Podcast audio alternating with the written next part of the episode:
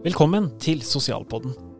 En sosial fagpodkast fra Institutt for helse, sosial og velferdsfag her ved Universitetet i Sørøst-Norge. Du vil bli kjent med noen av de temaene vi underviser i her ved vernepleier- og barnevernspedagogutdanningene, og du vil også høre noe fra de spennende eksterne foredragsholderne vi bruker. Så len deg tilbake og lær noe nytt. Velkommen til denne episoden i Sosialpodden. Det er episode nummer fire ut av en sånn episoderekkefølge vi har eh, lagd nå, der vi intervjuer mennesker med forskjellige funksjonsnedsettelser. Vi prater litt om universell utforming. Uh, og det, for, de, for, de, som da ikke går på utdanninga vår i, i Sørøst-Norge, på barnevern eller vernepleie f.eks., så er dette et, en del av et undervisningsopplegg der studentene våre hører på disse episodene som forberedelser til når de skal ut i, i samfunnet og prøve seg litt med forskjellige funksjonsnedsettelser for å kjenne hvordan de er på kroppen. I uh, denne episoden Eh, så, så, eh, har jeg invitert meg selv eh, til Supervisuell i Sandefjord. Og, og, med en bekjent av meg, Finn Arild, som vi skal prate litt om. Med her i, i studio vi har lagd her, så har vi også med en tolk. Så det dere kanskje hører i bakgrunnen, det er tolken som tolker alt jeg sier. I tillegg nå så vil jeg anbefale i, i beskrivelsen til denne episoden så vil du finne en lenke til videoopptaket av hele det, det, her. Så hvis du ønsker å se hvordan vi sitter i studio og prater eh, med meg og med tolken og med Finn Arild, eh, så vil jeg anbefale deg å gjøre det. Hei, Finn Arild. Eh, tusen takk for at, kunne, at jeg kunne komme hit. Eh, ja, hyggelig. Hyggelig, ja, absolutt. Og der hørte vi tolken. Eh, som da tolker alt det du sier, med en stemme. Og, og, og vi har en kvinnelig tolk, så under, eh, under denne episoden så, så, vil du ha en kvinnestemme. Er, er, det uvant for deg? Om det er uvant? Nei, det er det ikke. Jeg er vant til det. Eh, og så er det jo litt merkelig. Noen opplever at hvis f.eks. jeg skal ringe, og har en telefontolk, eh, så er det jo da en tegnspråktolk som oversetter telefonsamtalen, og som da sier 'hei, det er Finn Arild som, som ringer'. Og det er jo da, jeg er jo ingen dame. Men det er så få mannlige tegnspråktolker. De aller fleste er jo kvinner. Men skal jeg f.eks. ha voiceover på en film da, hvor jeg er med, der har jeg muligheten til å sette på en mannestemme. Så det går av og til. Eh, stemmen min er ganske mørk. Jeg har ikke tonefall. Den er ganske flat. Så det kan være vanskelig, å oppfatte, vanskelig å oppfatte hva jeg sier. Og jeg vet heller ikke hvor høyt eller hvor lavt jeg prater, så jeg har ikke muligheten til å kontrollere min egen stemme fordi jeg ikke hører den selv. Eh, men jeg kan si hei eh, på mikrofonen, så kan dere høre åssen stemmen min Altså en døv mann høres ut i virkeligheten, hvis dere vil det. Så da skal jeg bare bøye meg litt mot mikrofonen. Hør på dere. Hei på dere. Yep. Og, og, der tenker Jeg jeg har jo kjent deg en liten periode, så jeg har jo også blitt kjent med stemmen din. Eh, hjemme og sånn, så, så, da regner jeg med det går i tegnspråk eh, hele tida? Ja, eh, det gjør det. Jeg har eh, kone og tre barn. Kona mi er også døv. Eh, barna hører normalt. Men vi bruker tegnspråk hjemme. Men så er det jo klart, da, hvis eh, jeg står med hendene fulle, så bruker jeg jo stemmen, og barna forstår hva jeg sier med stemmen. Så jeg kan bruke stemme til familie, til ja, de som kjenner meg godt. Så jeg har muligheten til å da ja, jeg har muligheten til å kommunisere selv om jeg da brekker begge armene. Ja. Eller så tenker jeg helt sånn praktisk, du står på kjøkkenet og ungene er oppe på, på soverommet, og nå er det middag? Ja. Det går an. Mm. Men eh, det var veldig sånn eh, rett hjem til deg. Vi, kanskje vi skal starte litt med rett og slett en presentasjon av deg. Eh, Finn Arild, hvem er du? Ja, hvem er jeg? Jeg er 47 år, gift, har tre barn, bor i Sandefjord. Egentlig så er jeg fra Kristiansund. Studerte til sivilingeniør i Trondheim Uh, har jobbet en del innenfor teknologi, programmering, medieutvikling osv. Og, så og så har jeg flyttet litt rundt, både i Oslo, både i Bergen. Uh, bodde også på Ål i Hallingdal en stund. Uh, så ble det mer jobb innenfor medie, og så i 2012 så flyttet jeg til Sandefjord. Og da etablerte vi et firma som heter Supervisuell. Så jeg har gjort det sammen med en partner som heter Thomas Blix, så vi har etablert Supervisuell. Eh, og i kjølvannet av det så etablerte vi også tre eh, andre firmaer. NTS Kompetanse, NTS Bygg og NTS Rørservice. NTS, hva er det? NTS Det er en litt morsom historie, egentlig. Eh, når vi skulle etablere byggefirmaet vårt, så visste vi ikke helt hva vi skulle kalle firmaet. Så tenkte vi eh, Det er jo veldig mange som har sånne forkortelser. Så tenkte vi ja, hvorfor ikke bruke NTS, som er forkortelsen for norsk tegnspråk. Mange kundene, av kundene våre vet ikke hva NTS står for, egentlig. Men eh, ja, så det, det, er ikke noe vi ja, Det er litt sånn intern spøk, egentlig. Stilig. Men, men, når du sier at det er norsk tegnspråk og det er et byggefirma, det alle ansatte er døve, er det ikke det? Ja, det stemmer. Eh, og det er også veldig interessant. For, eh, for, mange så er det kanskje litt rart at vi, har, at vi har en virksomhet hvor vi har et filmselskap, bygg, eh, vi har rådgiverfirma og rørleggerfirma og at vi da holder til sammen. Men historien rundt det er jo at jeg og Thomas starta et firma som heter Blix og Tordasjon AS. Uh, vi hadde egentlig tenkt å drive med bygg, eiendomsutvikling. Uh, og var dette vi hadde tenkt å sette i gang med. Men så fikk jeg plutselig mye filmprosjekter. Uh, og det var såpass mye at jeg var nødt til å ansette noen for å klare å ha fokus på det. Så da bytta vi navn da på firmaet vårt til Supervisuell. Eh, jeg hadde egentlig et enkeltmannsforetak eh, som het Supervisuell før dette her, hvor jeg drev litt med film og litt sånn på siden. Og da tenkte vi at vi skulle fase ut denne byggevirksomheten, eller byggefirmaet, fordi vi hadde allerede begynt med noen oppdrag, så vi tenkte da at vi skulle gjøre det en kort periode. Eh, så var Supervisuell da et firma som skulle levere både film og bygg. Byggoppdrag. Eh, litt tak og kjøkken rundt i Sandefjord som eh, ja, er bygget av Supervisuell, faktisk. Men, så da ansatte vi en, en tømrer som nå er medeier i NTS Bygg. Men så har det bare økt, og det har blitt mer og mer, så da bestemte vi oss for å skille det ut. Eh, et byggefirma da, Så det ble et eget byggefirma som nå heter NTS Bygg. Eh, og da ble jo da det datterselskap av Supervisuell. Ja, Mest sånn praktisk, egentlig, at uh, veien blei til mens vi gikk. Men, men det, det, som er litt sånn interessant her, når du bare ser rundt her, så, så er det jo det er jo et arbeidsmiljø der alle er døve.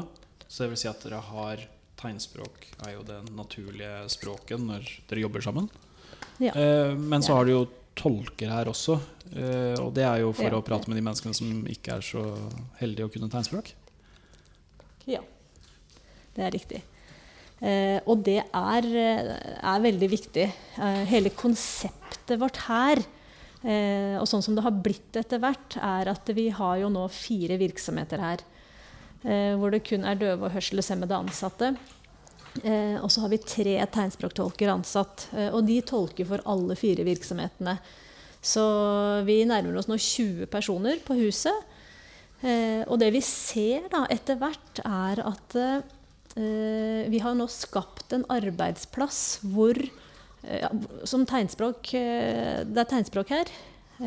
så det er litt ja, Det er det som på en måte er kjernen her. Fordi eh, det vi, det vi, gjør, er ikke noe spesielt. Altså selve jobben i seg selv. Vi bygger hus på samme måte som mm. andre byggefirmaer. Vi lager film på samme måte som andre, selv om vi da selvfølgelig har spisskompetanse på tegnspråkproduksjoner. Men vi lager alt, eh, alt mulig. Så det som er forskjellen her, da, er at alle her automatisk er inkludert. Mm. Fordi alle her kan tegnspråk, og alle kan prate sammen. Eh, det er en ubesværlig måte å prate sammen på. Eh, så, så, det er da hvordan vi inkluderer her. Så vi gjør ikke noe for å inkludere aktivt. Det er eh, automatisk sånn det er her. Nei, jeg syns jo det er veldig spennende. For når vi prater om funksjonsnedsettelse, så en måte å forstå funksjonsnedsettelse er jo at individets forutsetninger ikke er gode nok eller tilstrekkelig i forhold til samfunnets krav til funksjon. Her på bygget her så har jo dere lagd et eget lite samfunn der eh, det ikke er krav til at du må høre. Så per definisjon sett fra det, så, så eh, drar du da på jobben og har ikke en funksjonsnedsettelse. Mens de som kommer på besøk inn her, de har jo en funksjonsnedsettelse. Og det merker jo alle hørende som kommer inn her, og ikke klarer å delta i samtalene deres. Det er helt riktig. Eh, Så her blir det snudd, eh, helt snudd opp ned. Eh, Vi tar hvis man tar utgangspunkt i den definisjonen, så ser man jo at her er det de hørende som er funksjonshemmede. Ja. Ja, det er de. Men så har vi tre ansatte tegnspråktolker. Hvis jeg da skal ringe noen, eller hvis vi får besøk f.eks., så må jo jeg tilpasse meg noen som er talespråklige. Mm. Så her har vi da som sagt tre ansatte tolker, og det er en ordning eh, hvor vi kan ansette én stilling av tolk per 3,5 årsverk, altså døve årsverk, som da har rett på tolk. Og og det gjør at vi har nå mulighet til å ha faste tolker som kjenner vår eh, fagbegrep, måter å prate på. Eh, Så vi er jo heldige at vi nå har en bedre kvalitet på tolkene når vi har de her, enn det som er vanlig. Hvis f.eks. vi skulle bestilt fra tolketjenesten, eh, så kan vi jo få tolker som vi ikke kjenner som godt, som ikke er vant til språket vårt. Det kan bli mer misforståelser, at man ikke helt forstår hva jeg sier. Og det er, det er viktig, for det er noe med hvordan vi framstår. Eh, hvis jeg har en tolk som ikke forstår meg så godt, eh, og så møter jeg da nye mennesker, så, så vil jo det gjøre at jeg framstår som litt mindre begavet, eller ja Vet ikke helt åssen jeg skal si det, men det har mye å si. Ja, for der er vi inne på ting også. Det, det handler om hvordan kanskje samfunnet kan oppfatte døve til tider. Jeg, jeg vet jo selv jeg, jeg prater jo tegnspråk, og så foretrekker jeg akkurat nå å bruke tolken, for jeg vet at eh, det, tolken er mye flinkere i tegnspråk enn det jeg klarer selv. Men jeg vet jo at når, når, når jeg sier at jeg kan tegnspråk, så tenker mennesker veldig fort på at jeg prater tegn til tale. At eh, det er og, og det er noe man kanskje kan bruke som støtte når man prater med mennesker med kognitive nedsettelser osv. Hvordan opplever du det at noen kanskje tenker at nei, du er døv, du bruker tegnspråk, at du da tilhører den gruppe mennesker?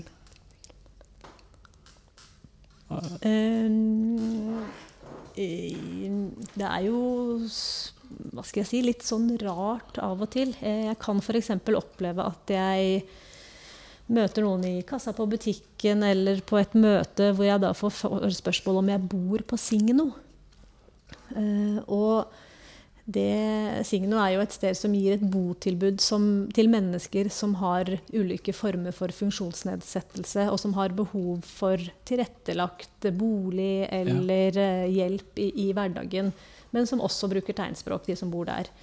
Så her i Sandefjord så er det et litt sånn paradoks, eh, fordi det er veldig mange som jobber i virksomheten, som leverer da tegnspråklige tilbud. Og de menneskene som trenger tilrettelegging, og de som trenger tegnspråk, så er det ganske mange som er, da har en oppfatning av at hvis du er døv, så bor du altså på det som kalles hjemmet for døve, da, som det het i gamle dager. Men eh, de aller fleste som bor i Sandefjord og er døve, de jobber i Signo. Nettopp. Så de jobber, og de leverer tjenester. Ja. Eh, Så det er jo klart at det er eh, døve som bare er døve. Ja. Eh, Har utdanning, har jobb, lever helt normalt. Og så er det mennesker som trenger et eh, tilrettelagt tjeneste, som da tilfeldigvis også bruker tegn og tegnspråk. Og, og for mange så Altså for mange, for mange funksjonsfriske så er det vanskelig å skille. For hvis du ser en som bruker tegnspråk, så tenker de at alle er like. Ja. Um, Så når jeg da opplever å bli spurt om jeg bor på Signo, så må jeg si nei, men jeg sitter i hovedstyret i Signo. Ja, ja, Eller jeg, tidligere, da, så satt jeg i hovedstyret. Eh, og jeg satt jo da i et styre som da var over selve konsernet, som omsatt for en milliard i året og hadde mange tusen ansatte. Så det er jo litt forskjell på å være da i den posisjonen kontra å være en tjenestemottaker. Så tegnspråkbrukere har jo et spenn på akkurat eh, like stor strekke som vanlige mennesker. Altså ja, talespråklige mennesker. Men du nevnte litt det i stad angående, eller angående med stemmebruk. da. Eh, Det er jo en ting som man som hørende kanskje Når, man hører en stemme som høres veldig annerledes ut så kan det være lett å tenke at nei, dette er en person som har omfattende vansker av en annen måte. Har, har du hatt noen erfaringer med det? Hvordan, du, du, sier jo du bruker jo kanskje litt stemme i hverdagen i butikken ellers. Har, har, du opplevd at mennesker Eller hvordan reagerer mennesker på det, egentlig? Ja, hvordan de reagerer? Um, jo, av og til så reagerer eller folk reagerer litt rart. Jeg husker eh, det var en gang i Trondheim eh, mange år siden eh, hvor jeg skulle inn i en Narvesen-kiosk. Gikk inn eh, og spurte om å få noe som var oppi hylla. Jeg husker ikke akkurat om det var noe drikke eller hva det var. I hvert fall noe som var i hylla. Hvor jeg da brukte stemme.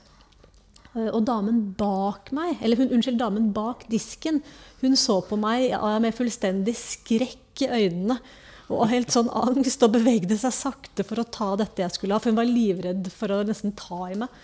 Eh, og det var veldig, veldig spesielt. Og jeg husker også at når jeg var ung, eh, så ble jeg ofte sånn irritert og litt sånn fornærma hvis noen f.eks. sa til meg at 'kan du lese, kan du skrive'? Eh, så det er noe med en modningsprosess også for meg Eh, nå nærmer jeg meg som sagt 50, eh, og jeg har jo reflektert over det i mange år. Eh, nå har jeg ja, 45 års erfaring med å være døv, og jeg har møtt mye fordommer. Så i dag så har jeg en litt annen holdning. Jeg reagerer litt mer på samme måte som om du møter en, et uvitent barn. da. Ja, nettopp. Ja, fordi det, det er jo ikke jeg som er kunnskapsløs. Jeg tenker at det er jo de som er kunnskapsløse der. Så ja, så jeg har på en måte klart å distansere meg litt fra å bli irritert over den slags, eh, for da blir man jo bare sliten. Da må man gå rundt og hele tiden kjenne på det.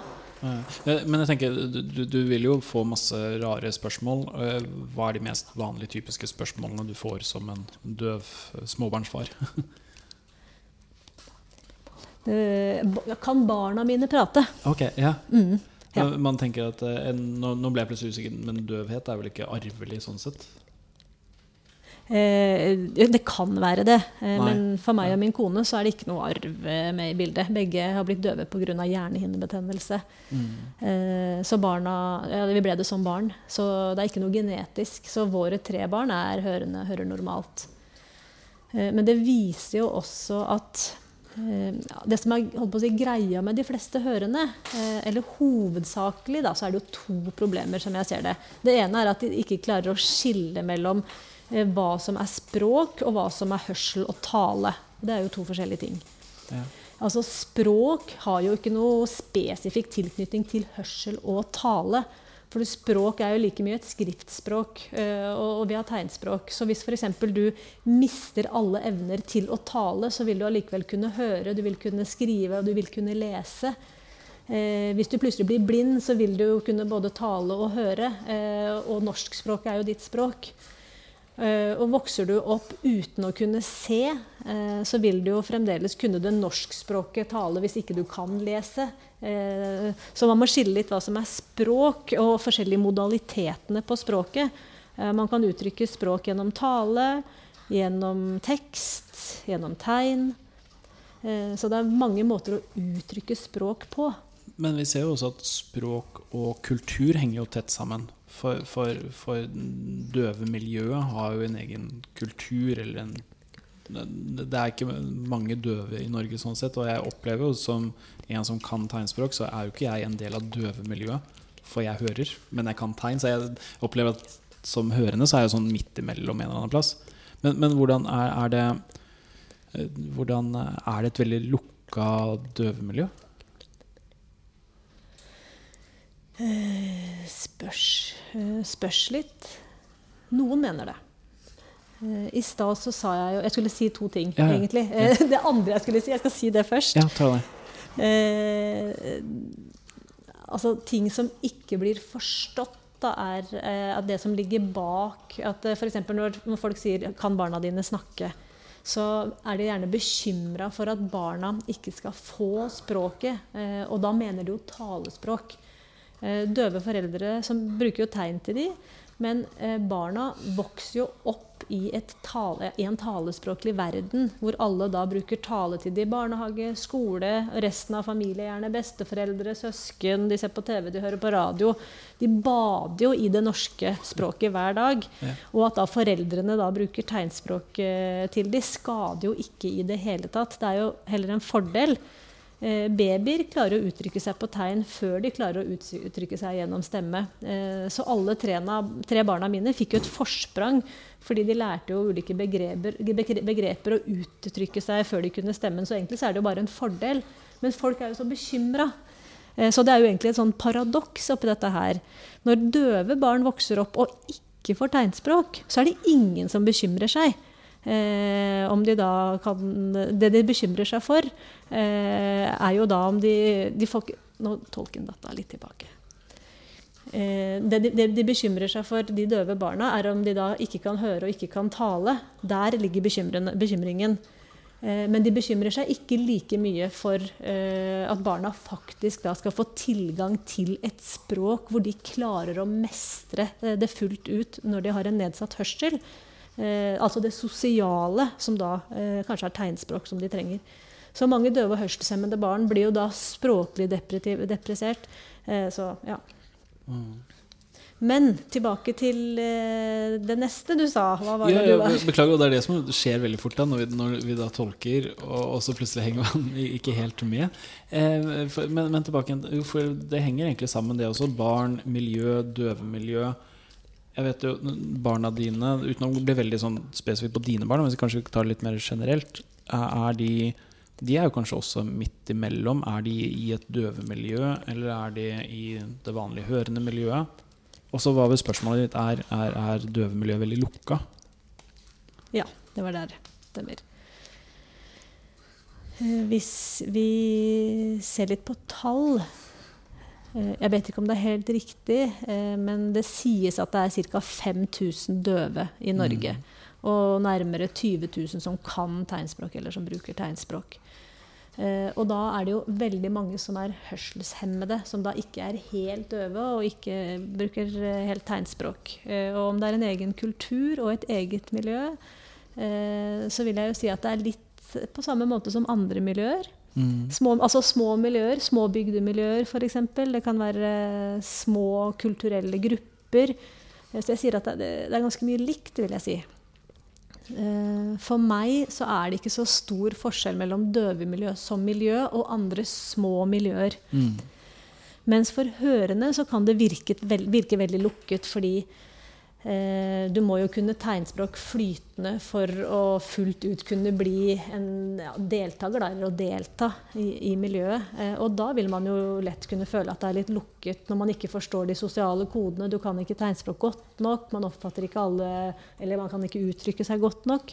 Eh, og da vil man kanskje føle seg litt utenfor. Nei, for, for det er jo en ting at Når vi da bruker, prater om tegnspråk, så, så, prater vi om norsk tegnspråk. prater flytende, sier du. Det er jo for en hørende å lære seg tegnspråk, så er det mye mer enn å bare gå på et tegnspråkkurs og, og lære alfabetet. Eh, jeg tenker bare hvor fort vi vanligvis prater fram og tilbake. Du, du skal ha mye Du skal ha rimelig høy tegnspråkkompetanse for, for, å klare å være med i sosiale prater og, og da kunne delta i et sosialt miljø. Ja, klart. Eh, har du ikke lært eh, tegnspråk fra, fra barnsbena, så, så, er det vel faktisk ja, det veld, Jeg vil si det er veldig vanskelig og ikke noe garanti for at man klarer det noen gang. Jeg kjenner uh, hørende som har jobbet i et tegnspråkfelt, tegnspråkfelt 20-30 år, og fremdeles ikke klarer å bli 100 flytende.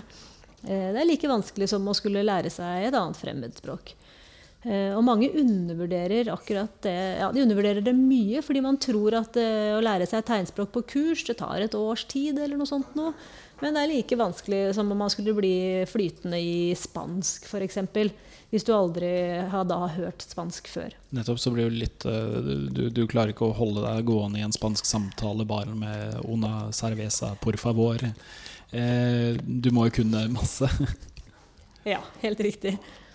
Uh, litt sånn som når man har tysk på videregående. Nettopp. Jeg hadde vel tre år med fransk, og jeg tror ikke jeg hadde klart meg en sosial samtale i det hele tatt. Jeg kan vel presentere meg på navnet mitt, og det er sånn cirka det. Ja, sant. Eh, og jeg har også hatt muntlig eksamen i tysk på videregående. Det er jo litt morsomt i seg selv. Spennende. ja. Det gikk bra, da. Jeg fikk god karakter, faktisk. Eh, men dette med lukket miljø, dette med inkludering, så er også det litt interessant, fordi jeg er sivilingeniør. Eh, nå eh, så skal jeg skrive en, holder jeg på å skrive en masteroppgave i innovasjon og ledelse. Eh, og det som er igjen der, er masteroppgaven, og den har vært utsatt gjentatte ganger. jeg håper at jeg blir ferdig med den nå ganske snart, men vi får se. Eh, uansett, eh, masteroppgaven eh, som jeg nå skal skrive, skal jeg skrive om inkludering, fordi jeg ser at det er mange som tenker at det vi gjør her på huset, altså som Supervisuell og våre virksomheter gjør, hvor det da er en tegnspråklig arbeidsplass, eh, mange tenker at eh, Men det er jo segregering, Ja. er det mange som tenker. Men kan du ikke bare stoppe litt der? Hva er forskjellen på integrering og segregering? Det er ikke alle som vet forskjellen på Ja, det kan jeg si. Eh, hvis du tenker på betydningen av ordet integrering, så betyr det at det er en person som på en måte blir en del av et større fellesskap. ja. Eh, en innvandrer som blir en del av det norske samfunnet, f.eks. Eller en døv som blir eh, en del av en hørende arbeidsplass som den eneste døv. Eller en døv som er på en hørende skole med bare hørende elever. Det er jo integrering. Ja. Segregering er eh, at det er bare døve på en døveskole, eller at innvandrere kun er sammen med andre, inn, andre innvandrere fra samme land. Mm, så mange bekymrer seg for det, da, for segregeringen. Mm. Men eh, for meg eh, så er det vi gjør her, er en bedre form for inkludering i samfunnet eh, enn såkalt integrering. Eh, for eh, skulle jeg ha jobbet på en arbeidsplass med 20 mennesker som ikke kunne tegnspråk, eh, ville jeg da ha følt meg mer sosialt inkludert enn det jeg gjør her? Nettopp. Nettopp. Nettopp. Så, så istedenfor å presse døve at de skal inn én og én på en hørende arbeidsplass eller talespråklig arbeidsplass, hvor de ikke har noen forutsetninger da, for å kunne bli en av gjengen. Eh, kanskje de må krøkke seg gjennom med en tolk, eh, som de da kanskje får av og til. Eh, kanskje forskjellige tolker fra gang til gang. Og framstår på forskjellig måte fra gang til gang. Eh, Så det vi gjør her, er jo at vi jobber eh, på en arbeidsplass, og vi blir en del av næringsmiljøet i Sandefjord. Eh, Vi betaler skatt, vi er en del av samfunnet, en del av arbeidslivet. Så det er jo mye bedre å være inkludert på den måten enn å skulle føle seg annerledes i hverdagen. Mm. Og, der- vet jeg, Du nevnte bare det med skole som et eksempel. og der, der har man jo Fra gammelt av så har man tenkt at det er et bedre tilbud at døve går på skole sammen i et tegnspråklig miljø. Men så har det jo vært en trend i de siste jeg vet ikke, 10-20 årene at de her skolene blir lagt ned fordi at man skal kunne tilby det samme tilbudet ute i alle andre skoler. Da, for man er redd for at eh, man havner på utsida av samfunnet. Jeg, jeg, jeg, jeg er ikke usikker på det selv. Men, men der er det jo en trend som går nettopp det. At, at denne kompetansen og at hver eneste elev rundt omkring på videregående skoler i hele Norge skal da ha tilgang på en tolk, istedenfor at man får undervisning i et tegn, rent tegnspråklig miljø. Hva, hva, hva er tankene dine om, om den utviklinga? Eh, Det skaper mye ensomhet. eh, Skaper mye sosial eksklusjon. Ehm, tanken om at hvis du tar én døv og fysisk plasserer den i en flokk eh, hvor ingen kan prate med den døve, så er jo for meg det helt åpenbart. Det viser jo egentlig at um, problemati... At uh, Om igjen Um, hørende er ikke i stand uh, til å forstå hvor ekskluderende det er å være døv i et talespråklig miljø. Fordi de har jo aldri opplevd å være virkelig sånn på utsiden. Man har ikke kjent det helt på kroppen, så det er vanskelig å forestille seg det. Eh, man kan tenke at eh, det å være der litt er at da blir man godt inkludert, men det, det krever så mye, mye mer. Eh, man ser ikke Man klarer ikke helt å se på det på en objektiv måte, da. Eh, så det blir rot, altså man roter til oppfatningen eh, når man blander eh, konseptet med språk, med hørsel, med det å være integrert. Så vi har en stor jobb å gjøre nå framover for å skape en bedre forståelse hva inkludering egentlig er. Og det er det jeg har lyst til å skrive om i den masteroppgaven. Mm. Ja. Sitter og tenker på Det nærmeste jeg har eh, Hvis jeg bare tenker tilbake igjen For, for du nevnte Signo i stad. Og jeg, jeg, har jo jobba der tidligere. Det er derfor jeg har lært meg litt tegnspråk. Og, og jeg, jeg, husker første arbeidsdagen i det var vel 2005-2006, der eh, jeg for første gangen kom inn i et tegnspråklig arbeidsmiljø. Og jeg kunne ingen tegn i det hele tatt. Jeg kunne juletrefot, var vel noe jeg hadde sett på eh, Hotell med den gylne hale, eller hva, hva den het, den barneserien.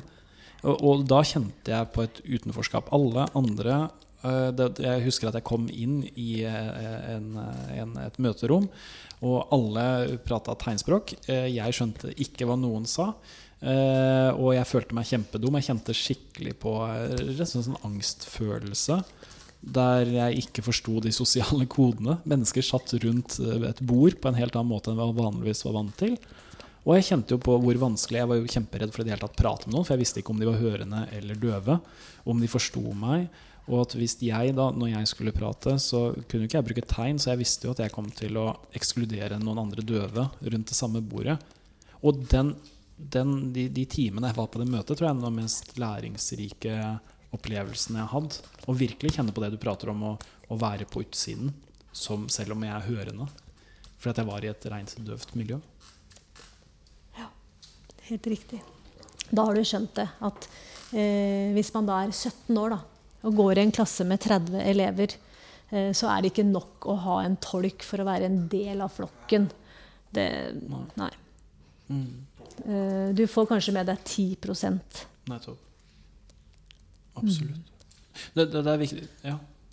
Um, så, så, hvis du ser f.eks. på T-skjorta mi, som jeg har på meg i dag ja, ja. Hvis du leser det som står her Every day is a good day to fight autism. Ikke autism, men audism. Hva er audism?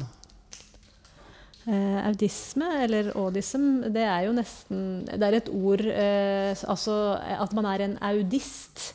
Eh, men hvis jeg legger på en audisme, Audisme. Eh, det er et begrep som beskriver diskrimineringen av hørselshemmede, og som hørselshemmede opplever. Eh, mennesker med annen hudfarge mm, opplever rasisme, f.eks., så har vi audisme.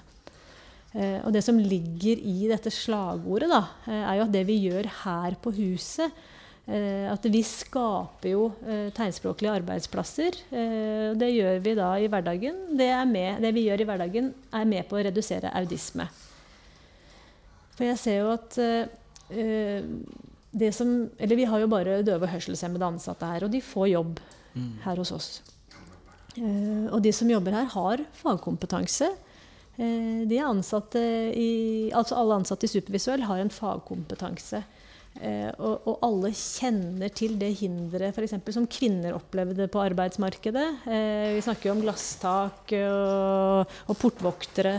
Eh, og det er litt den samme mekanismen som døve opplever på arbeidsplassene. Mm. Eh, at de, ikke, de, blir ikke ansatt. Eh, det blir forbigått. Eh, og det skjer jo til og med i, på arbeidsplasser som egentlig er tegnspråklige, hvis det der hørende ledere, f.eks. Eh, for det er så ofte klarer man ikke helt å vurdere døves kompetanse objektivt. Hvis man, man i, hvis man, ikke er i stand til å kommunisere flytende med personen direkte. Så, jeg, så, jeg, tror at det å skulle være daglig leder, da, som jeg er i Supervisuell, er en posisjon som nesten er umulig for meg å oppnå hvis jeg måtte ha blitt tildelt den posisjonen av en hørende som skulle vurdert meg på et intervju, f.eks. For eksempel. Fordi eh, de, de, fleste som rekrutterer eller vurderer da disse døve, er selv dårlige tegnspråk.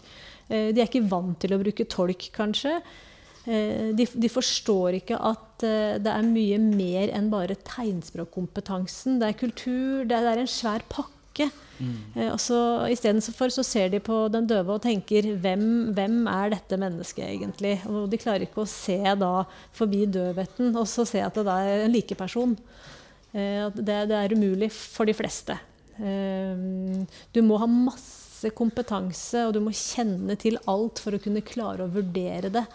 Eh, og Steinar, du er jo en av de få som jeg mener er satt i stand til å faktisk klare det. Fordi du har jo jobbet med døve, mm. du jobber med tegnspråk, du er i samarbeider, du samarbeider med oss. Du forstår litt denne greia. Eh, men det er veldig mange som ikke forstår det. Men det er litt morsomt du sier det, når du nevner det, Vi har jo kjent hverandre eh, i en god del år nå. Eh, og når bare jeg og du er i en situasjon, så prater vi jo tegnspråk. Og jeg, vi, vi har jo en relasjon, så jeg kjenner deg. Jeg vet også at det er ikke noe farlig å spørre du, ta det en gang til. Nå falt jeg av. Og alle de her type tingene da, som, er, som kommer gjennom at vi kjenner hverandre. Men, men bare ta sånn avslutningsvis en liten sånn Vi reiste til Trondheim en gang. Jeg og du vi skulle besøke NTNU eh, og besøke, besøke, noen forskere der. Og så husker jeg vi skulle, vi skulle, hente eller om vi skulle levere en leiebil. som vi skulle ha. Og, og det var du som hadde styra hele turen og planlagt med flybilletter og med leiebil og alt det der. Så du, du, du leder an, eh, og, og, så dingler jeg litt etter. Eh, og så går du inn og skal hente leiebilen, og så ser jeg bare gjennom, eh, gjennom glassvinduet at du tar Jeg tror du tar fra mobilen eller prøver å forklare noe om hvilken bil jeg, jeg vet jo ikke hva det er, men jeg vet bare at det var en situasjon som jeg ser der det virker som at du har litt vansker med å kommunisere med han som står bak kassa på Avis. Og så kjenner jeg på en følelse, da. Da, da, da, blir jeg skikkelig usikker, til tross for at jeg kjenner deg godt osv. Skal jeg gå inn og spørre Hei, trenger du hjelp? For, for jeg vet jo at jeg, tror i hvert fall da, at jeg kan kunne kommet inn og sagt relativt kjapt. Han heter Finn Arild og, og, har en leiebil eh, som han skal hente nå. Eh, men, hvor, hvor, men, jeg torde ikke å spørre om, om, å hjelpe deg da. Jeg vet ikke om du husker situasjonen, men, men, men hvis du tar det eksempelet, da. Eh, den usikkerheten skal man hjelpe, skal man ikke hjelpe? Hva, hva tenker du om det? Hmm. Jeg tenker at uh, hvis det hadde vært en veldig spesiell situasjon, da uh, Hvis uh, jeg måtte overbevise noen fordi de ikke trodde at førerkortet mitt var gyldig, og at jeg hadde ringt politiet, da hadde jeg kanskje ropt på deg. Ja, ja. nei, men jeg tenker Jeg er jo vant til dette her, så stort sett så spiller det ikke noen rolle for meg. og igjen dette med modenhet. Ehm, I yngre dager så var det mye mer viktig for meg å ikke ta imot hjelp. Nettopp. Men nå så tenker jeg det spiller ikke noen rolle, egentlig. Ehm, men som ofte så er det en god regel å spørre om noen trenger hjelp. Ønsker du noe hjelp? Ja eller nei? Jeg ehm, tenker at Det kanskje er letteste måten å forholde seg til det på, tenker jeg. Men ja, det er lettere at hvis man er ung, kanskje, litt sårbar, så er det lettere å ha en holdning til at uh, 'jeg skal klare meg selv'. Ja. Men etter hvert så tenker man det er jo ikke så viktig. Mm. Nei, nei, nei, for jeg, jeg, jeg, tror at når, når man uh, Uansett om man er vernepleier, barnevernspedagog eller bare et medmenneske, si, så, så er det, det, det, kan være en stor terskel da, å, å, tørre vi, vi, har pratet om det i et par andre episoder også. Det å tørre å spørre hjelp eller gi det vennlige blikket man er redd for at uh, litt den at noen skal kjenne at de blir sett ned på. Uh, eller at uh, 'tror du ikke jeg klarer dette selv'? Så, som du sier, da, så, så det, er, det, kan nok være en redsel blant veldig mange mennesker at man blir redd for å hjelpe for mye, eller tilby hjelp. Og det kan føre til at man ikke tør å engang være, være nysgjerrig på andre mennesker. Da. Eh, har du Vi, vi prata bare eh, litt sånn om det her med hverdagsliv osv. Men er det Og utenforskap? Jeg lurer på så, som uh, Finn Arild, som, som du, du, du, er far, du har barn. Jeg sitter og tenker selv på Jeg blir jo kjent med andre mennesker som er i samme livssituasjon gjennom f.eks. For foreldre til, foreldre til barna barna mine leker med, og sånne type ting. Hvordan er det rent sosialt i, i, i livet, når, når, man da ikke tar med seg en tolk når, man, når, barna skal leke sammen? Eller hvordan påvirker det det sosiale? Eh, det er jo klart at, eh, at det påvirker det sosiale. Eh, for meg så er det at ja, I min hverdag så kan det jo lett være sånn at jeg glemmer det litt på en måte. Jeg glemmer at det er et talespråklig samfunn. fordi Jeg står opp. Eh, alle hjemme kan tegnspråk, alle på jobben min kan tegnspråk. Jeg tar telefoner, og jeg har tegnspråktolker som sitter foran meg med et headset, som her, Ja, ja. f.eks. Så eh, det kan gå flere uker egentlig mellom hver gang jeg føler at oi, nå er jeg utenfor. Okay. Sånn er det. Men eh, det å skulle, for eksempel skulle sitte på en skoleavslutning, det er eh, noen av de gangene hvor jeg virkelig føler meg utenfor. For det er ingen som vil prate med de døve foreldrene.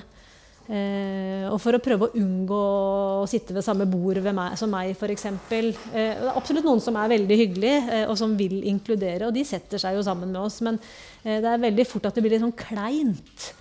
Eh, og det tror jeg det er flere døve foreldre som kjenner på akkurat det her. Eh, og det er litt sånn forskjellig hvordan man håndterer det. Eh, og vi er jo like forskjellige som alle andre. Eh, noen kompenserer jo veldig med å jobbe hardt for å være inkludert. De sier ja, eh, jeg er i FAU, rekker opp hånda med en gang, mens andre sitter og gjerne ser bort og vil, vil absolutt ikke bli valgt. Eh, Jeg er en av de som ikke prøver å valgt. Jeg ser litt i taket og gjør alt mulig annet. Eh, Så jeg, jeg bryr meg egentlig ikke så mye om det, fordi eh, jeg har skal jeg si, nok sosialliv. da. Eh, Jeg har jobb og jeg har familie, så jeg har ikke det behovet for at jeg må bli kjent med de andre foreldrene, fordi det er jo snakk om en periode i barnas liv, og så bytter de skole, og så vokser de opp. eh, Og jeg sitter på foreldreavslutning, slapper av, ser på barna og smiler og nikker hvis det er noen som gjør noe. Og hvis noen vil snakke med meg, så syns jeg det er hyggelig. Eh, Har jeg en tolk, så snakker jeg litt med noen. Men jeg får ikke, jeg får ikke noen venner for livet blant barnas foreldre. Det får jeg ikke. Mm. Og da sitter jeg og tenker på, eh, liksom, Når vi prater om døvemiljøer også, så ville jo det vært en naturlig sosial arena. Eh, La oss si at du er døv og flytter til en ny by, eh, eller noe sånt, så, så da flytter du kanskje gjerne til der det er et døvemiljø fra før av, for at da har du noen du kan eh, være sosiale med, med, med egen, eh, Absolutt. Egen absolutt. Mm. Jeg tror vi må rett og slett eh, runde av, eh, Finn Arild. Eh, tusen takk for at du var med. Jeg har lært utrolig mye. Og jeg tror alle de som har hørt på eller sett på eh, på videoen, har lært kjempemasse. Eh, tusen takk. Bare hyggelig.